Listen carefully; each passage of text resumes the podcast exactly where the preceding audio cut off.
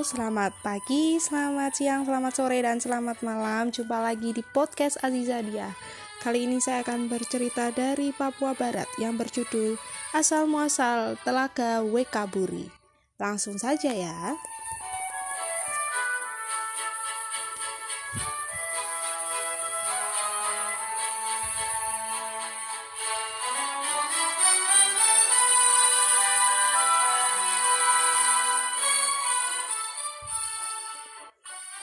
Dahulu di sebuah desa diadakan pesta adat yang sangat meriah. Selain warga di desa itu, mereka juga mengundang warga desa lainnya. Di antara para tamu hadir seorang nenek bersama cucu perempuannya, Isosi dan seekor anjing peliharaan mereka. Saat pesta berlangsung, seorang penari menginjak buntut anjing milik si nenek. Lalu anjing kecil itu menggonggong dengan keras. Nenek itu sangat marah melihat anjingnya kesakitan.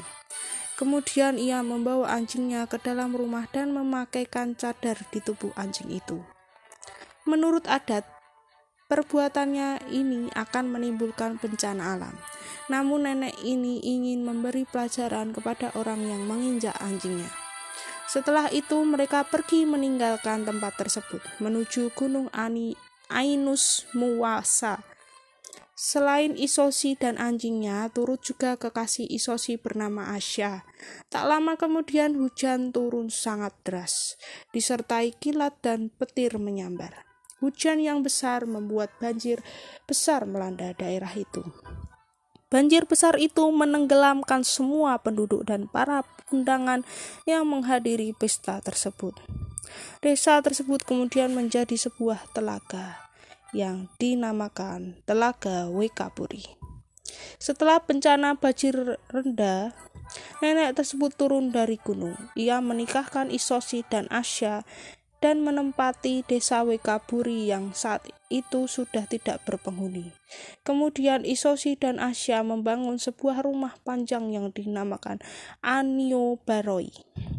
Mereka mempunyai banyak keturunan dan tinggal di rumah tersebut.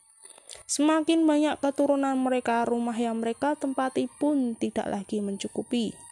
Oleh karena itu, mereka menambah panjang lagi rumah tersebut dan sambungan rumah itu diberi nama Manu Papakmi. Kemudian keturunan Isosi dan Asya semakin banyak dan berkembang.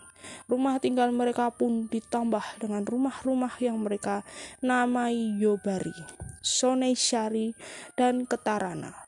Pada perkembangannya, banyak anggota keluarga yang akhirnya keluar dari rumah untuk membangun kehidupan sendiri. Mereka yang keluar dari rumah Manupapami kemudian menjadi suku Wete Bosi. Anggota keluarga yang keluar dari rumah Yobari menjadi suku Wekaburi.